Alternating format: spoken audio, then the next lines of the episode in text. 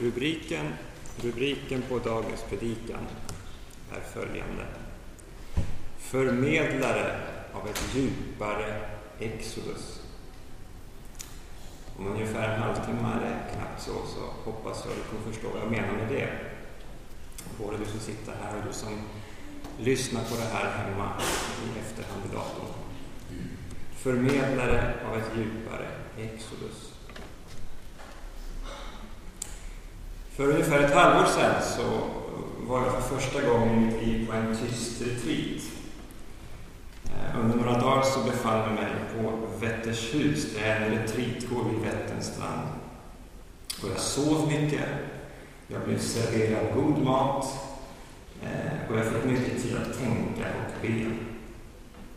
Det var verkligen välgörande dagar, det kan rekommenderas.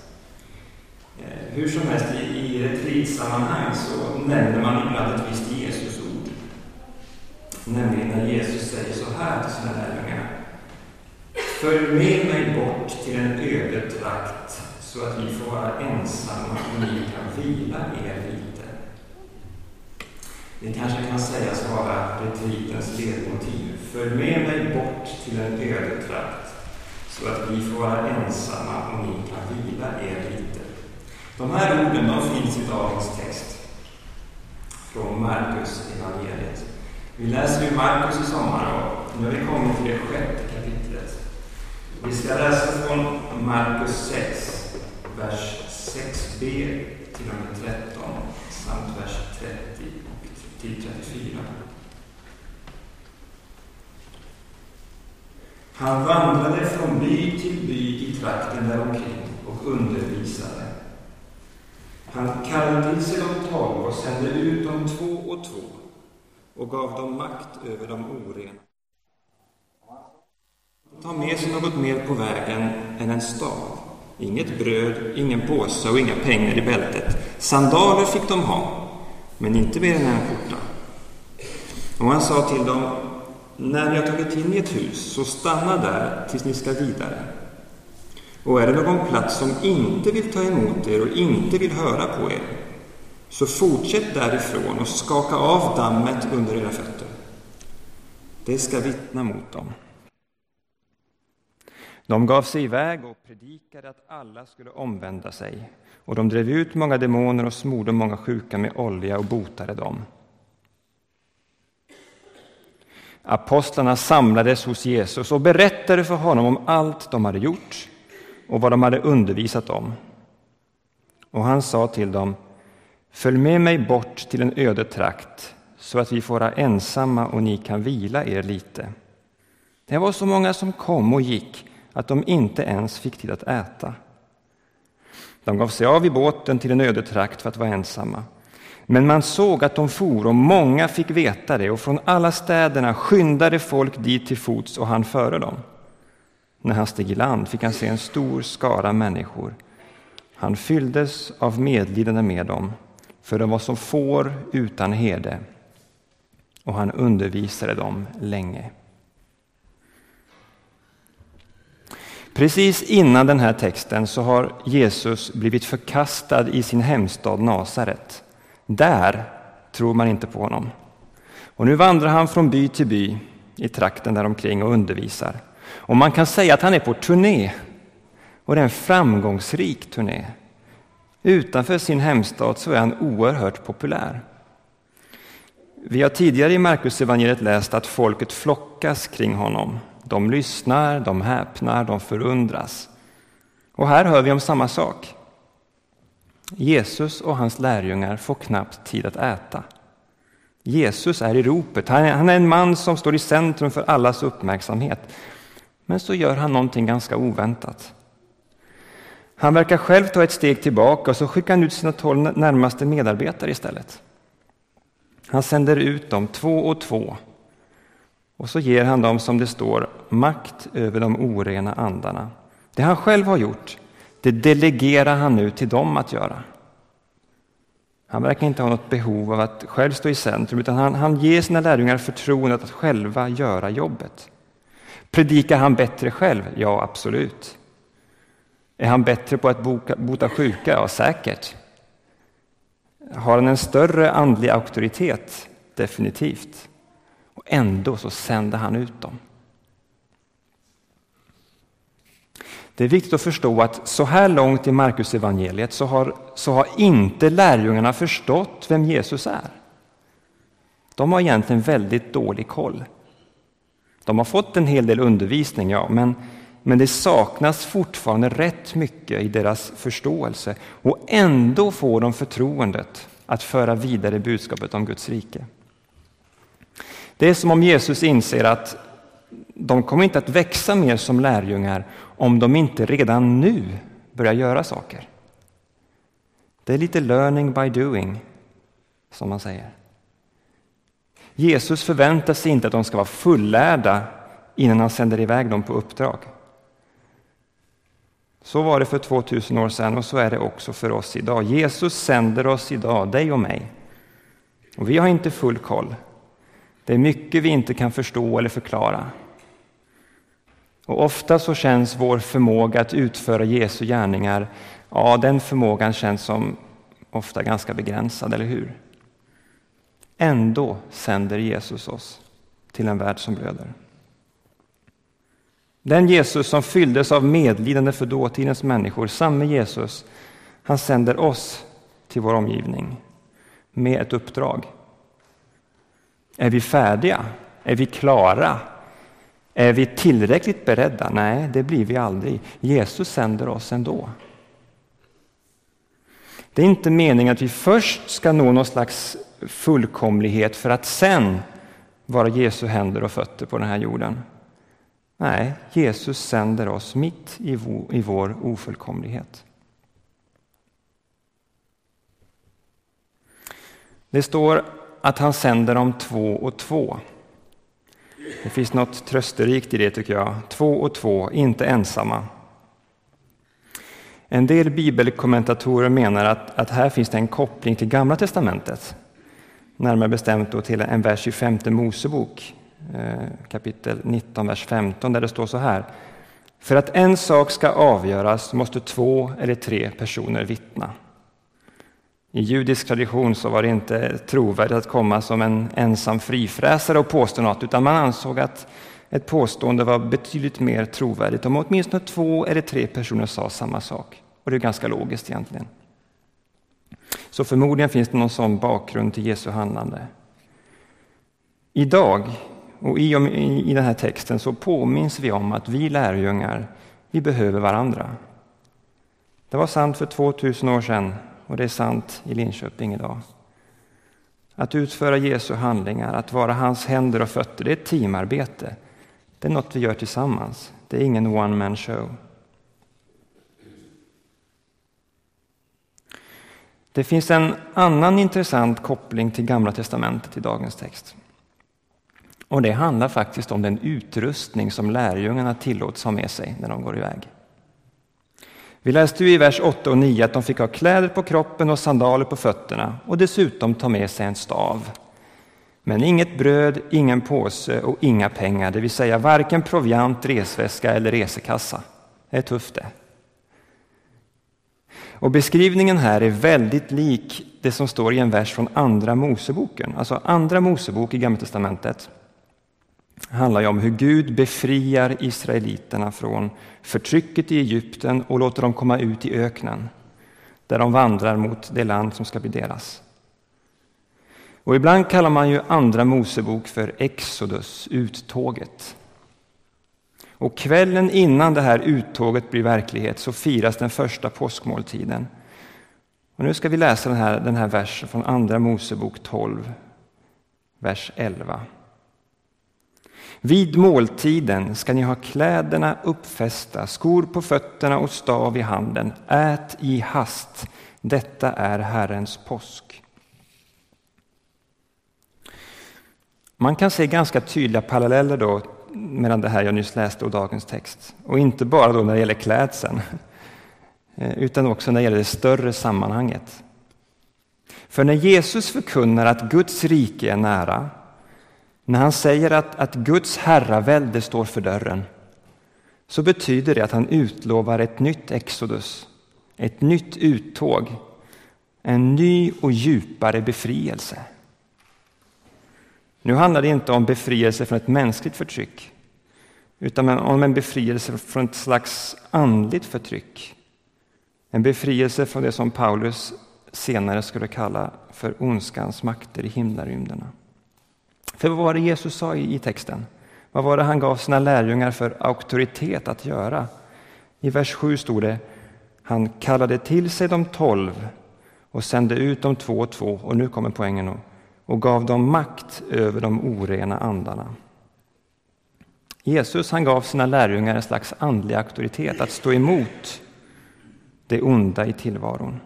Han gav dem ett mandat att förkunna och förkroppsliga ett slags icke-geografiskt exodus kan man säga. En befrielse från de makter som djupast sett förslavar människan. Det är det vi läser om i dagens text och det är det vi utmanas göra i vår tid som lärjungar idag. Vi kan få vara med om, är det häftigt, vi kan få vara med om att förmedla Guds befrielse från alla kedjor och bördor som människor bär på idag. Vilka de än är. Vi har fått det uppdraget. Vi har fått den auktoriteten. Vi har fått det ansvaret. Vi har fått ansvaret att förmedla påskens budskap om att det är möjligt att få uppleva ett exodus från vår tids slavdrivare. I Andra Mosebok kan vi läsa om den första påsken och den tidens slavdrivare. I Markus och i de andra evangelierna så kan vi läsa om vad som hände den påsken då Herre Jesus blev förrådd, spikades upp på trä och genom sin uppståndelse gjorde vad då? Jo, han vann vår verkliga befrielse.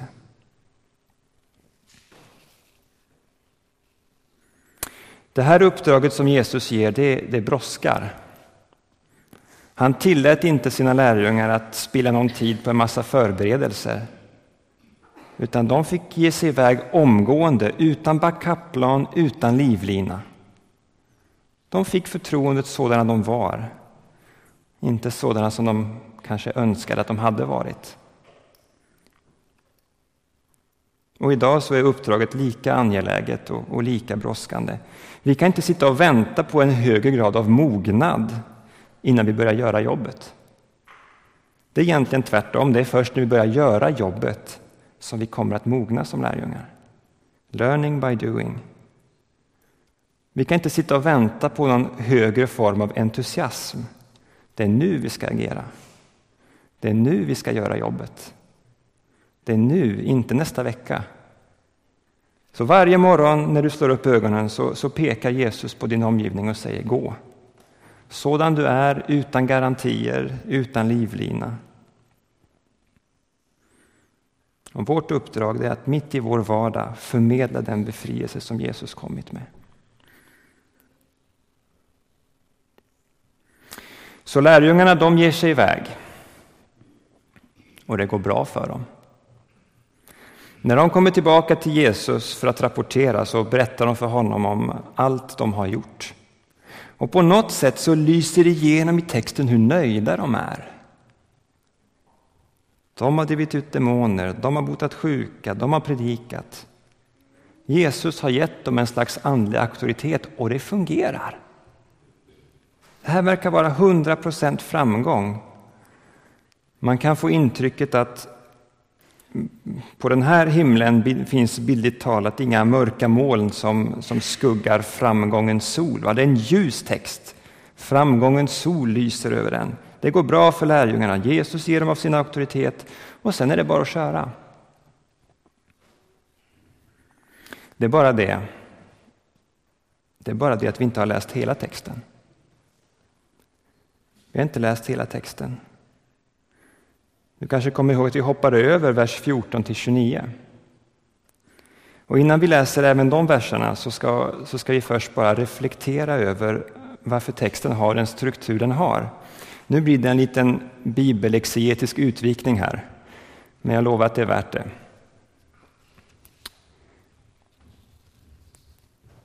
Man brukar säga att Markus som, som skribent ganska ofta använder sig av en sandwich-teknik.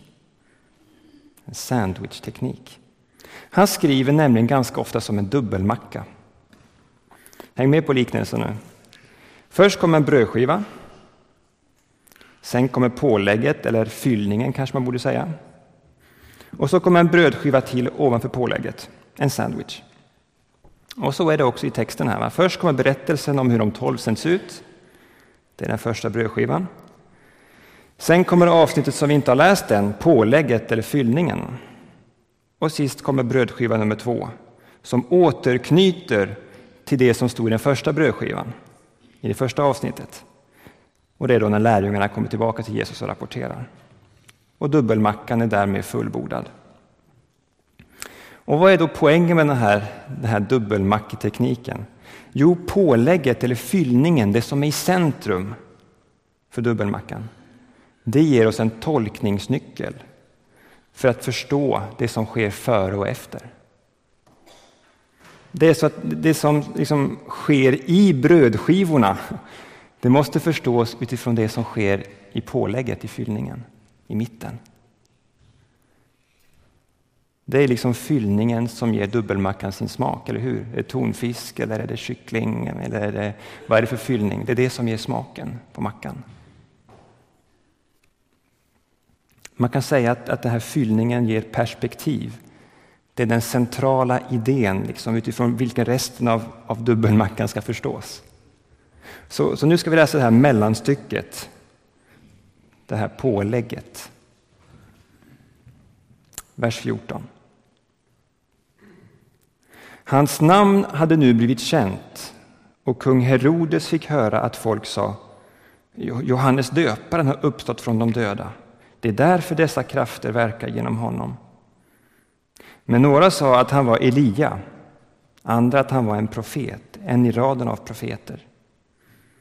När Herodes hörde detta sa han Johannes som jag, har låtit, som jag lät halshugga, det är han som har uppstått. Herodes hade nämligen låtit gripa Johannes och sätta honom i fängelse. Anledningen till det var Herodias, hans bror Filippos hustru. Henne hade han gift sig med och Johannes hade sagt till Herodes det är inte tillåtet för dig att leva ihop med din brors hustru. Därför var Herodias förbittrad på honom och ville döda honom, men kunde inte. Ty Herodes hade respekt för Johannes som han visste var en rättfärdig och helig man och skyddade honom. Och när han hade hört honom kände han sig mycket osäker och ville höra mer av honom. Intressant psykologi inom parentes. Vi fortsätter. Men en dag kom hennes tillfälle och det var när Herodes firade sin födelsedag med ett gästabud för sina stormän och överstar och de främsta i Galileen. Herodias dotter kom då in och dansade så att Herodes och hans gäster blev förtjusta. Kungen sa till flickan, be mig om vad du vill och du ska få det. Och han lovade och svor, vad du än ber mig om ska jag ge dig, om det så vore halva mitt rike. Då gick hon ut och frågade sin mor, vad ska jag be om? Hon svarade, Johannes döparens huvud. Flickan skyndade in till kungen och bad honom, bad honom, jag vill att du genast ger mig Johannes döparens huvud på ett fat. Kungen blev bedrövad, men för edens och gästernas skull ville han inte säga nej till henne, utan skickade en livvakt med befallning att hämta Johannes huvud. Soldaten gick och halshögg honom i fängelset och kom sen med hans huvud på ett fat och gav det åt flickan, och flickan gav det åt sin mor. Men när Johannes lärjungar fick reda på det kom de dit och hämtade hans döda kropp och lade den i en grav. Alltså det här är en ganska absurd och makaber berättelse egentligen. Väldigt makabert. Mitt i all framgång, mitt i allt det som funkar så bra för lärjungarna, mitt i den här success story, så placerar Markus ett mörkt moln. Johannes döparen blir avrättad. Det kristna lärjungaskapet är inte bara en enda stor framgångssol. Det finns mörka moln. Att vara lärjunge det innebär att man får Jesu auktoritet, ja, och vi kan förvänta oss framgång. Men som lärjunge får man också uppdraget att lida för honom. Att likt Johannes döparen vara beredd på att allt kan hända. Jesus sänder oss tillsammans att förmedla befrielse. Det är brådskande. Och vi kan räkna med framgång i uppdraget, ja. Men det finns också ett pris. Det finns ett motstånd. För att gå tillbaka till, till parallellen från Andra Mosebok. När, när israeliterna befriades från slavdrivarna i Egypten så befriades de till vad då? Jo, till en tillvaro i öknen. Öknen, ja det är frihet, men det är ju inget bekvämt liv. Eller hur? Exodus, det leder inte direkt in i det fullkomliga landet. Det finns en öken emellan. Och om du tycker att livet känns tungt ibland så är det inte så konstigt. För som kristna lever vi i öknen. Vi är ett ökenfolk. Fria, ja, men vi är inte framme i det utlovade landet. Det här motståndet som vi kan räkna med att få möta och som på något sätt symboliseras i den här berättelsen om Johannes döparen. Det här motståndet, det tar inte bort någonting av det jag sagt tidigare om att Jesus sänder oss att förmedla befrielse, det brådskar och vi kan förvänta oss framgång. Men vi ska inte vara naiva. Jesus själv säger i vers 11 och är det någon plats som inte vill ta emot er och inte vill höra på er, så fortsätt därifrån och skaka av dammet under era fötter. Det ska vittna mot dem. Alltså han förutsätter att en del inte kommer att lyssna. Det hör liksom till. Och vi behöver inte bli förvånade när det sker. Det finns ett motstånd. Det här med att skaka av dammet kan ju låta lite hårt. Vår roll som lärjungar det är att förmedla Jesu befrielse och att göra det både frimodigt och med den djupaste respekt. Och De två sakerna hänger ihop. Frimodigt, frimodighet och respekt. Och Jag tycker mycket om det sätt som Petrus uttrycker det på i, i första Petrus 3, vers 15 och 16 där han säger Var alltid beredda att svara var och en som kräver besked om ert hopp. Men gör det ödmjukt och respektfullt i medvetande om er goda sak.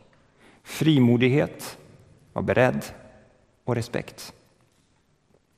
Det här med att skaka av dammet det handlar alltså inte om att, att ha någon slags förakt eller självgodhet. En lärjunge ska inte vara otrevlig eller arrogant, tvärtom. Men det handlar om att vi får inte bli förvånade när och om vi möter motstånd.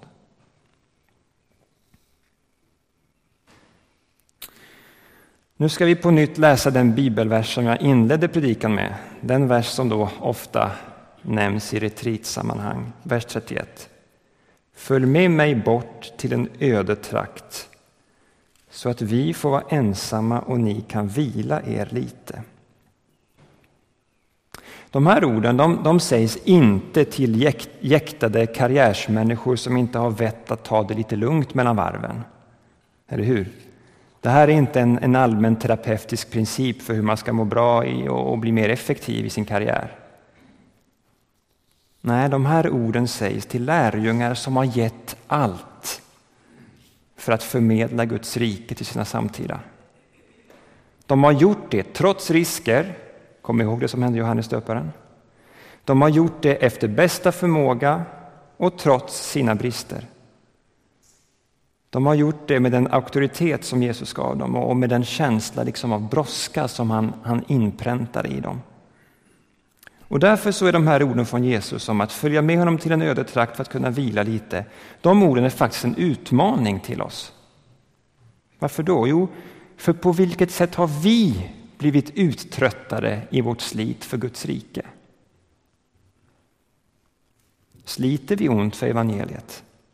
För att använda ett uttryck från Paulus. Hur är det egentligen med vår iver att förmedla det här uttåget, det här exodus till våra medmänniskor? Vad är vår högsta prioritet? Vad lever vi för? Brinner brådskans eld i vårt inre? Eller är vi ganska nöjda med sakernas tillstånd? Vad skulle Jesus säga till oss, till vår församling, om vi fick rapportera på det sätt som lärjungarna gjorde? Jag är inte så säker på att han skulle säga att vi behöver vila mer. Missförstå mig inte, det finns, det finns en osund stress som man kan behöva vila ifrån, självklart. Det är bra med semester, det är bra med pauser, det är nödvändigt att vila. Det är inte det jag pratar om nu. Jag pratar om den, den specifika trötthet som kan infinna sig hos en lärjunge som har lagt ner sin själ i att förmedla Guds rike till sin omgivning. Den specifika tröttheten är jag rädd att, att många av oss inte har riktigt. Vi är trötta liksom av andra skäl. Skäl som inte har med Guds rike att göra. Så idag så utmanas vi av de här orden att tänka till när det gäller våra prioriteringar. Vad är det vi brinner för? Vad är det vi brinner för?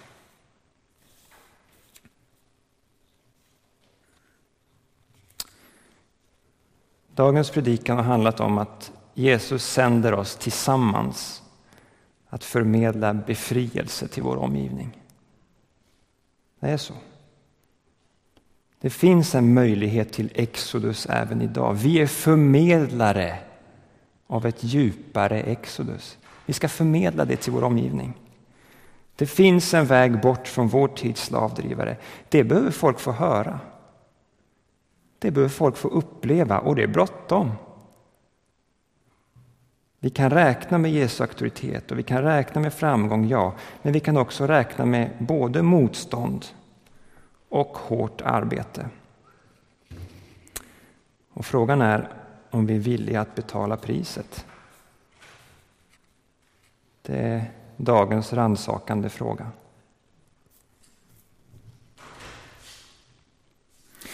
Jag ska avsluta med en dikt av Nils Bolander. Det är en dikt som samtidigt är en bön. Så här går den. Här är jag, sänd mig vart du behagar. Här är jag, tänd mig till brinnande dagar. Bruka mig, Mästare, hur du vill, bara jag alltid får höra dig till. Gode Gud, här är vi den här söndag förmiddagen, 8 juli 2012. Vi står här mitt i vår ofullkomlighet, mitt i allt det vi inte kan. Mitt i våra kanske misslyckanden när vi ser bakåt. Här är vi. Och tack att du på nytt denna dag påminner oss om att du varje dag sänder oss. Sådana vi är. Herre, hjälp oss att göra jobbet Påminn oss idag om vad som är viktigt. Hjälp oss att anstränga oss på rätt sätt, på rätt saker. För ditt rike.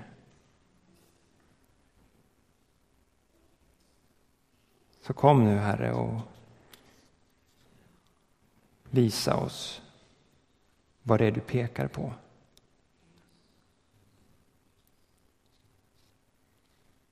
Amen. Vi ska som vanligt nu ha en stund där vi kan söka förbön, den som vill, eh, under, under läktaren där. Man kan som vanligt få tända ett ljus eller böja knä som en symbol för en kroppslig, ett kroppsligt uttryck för, för din bön. Det finns ju inget magiskt i de här yttre uttryckssätten, men det kan vara bra att göra någonting konkret med sin kropp för att visa konkret vad det är du brinner för.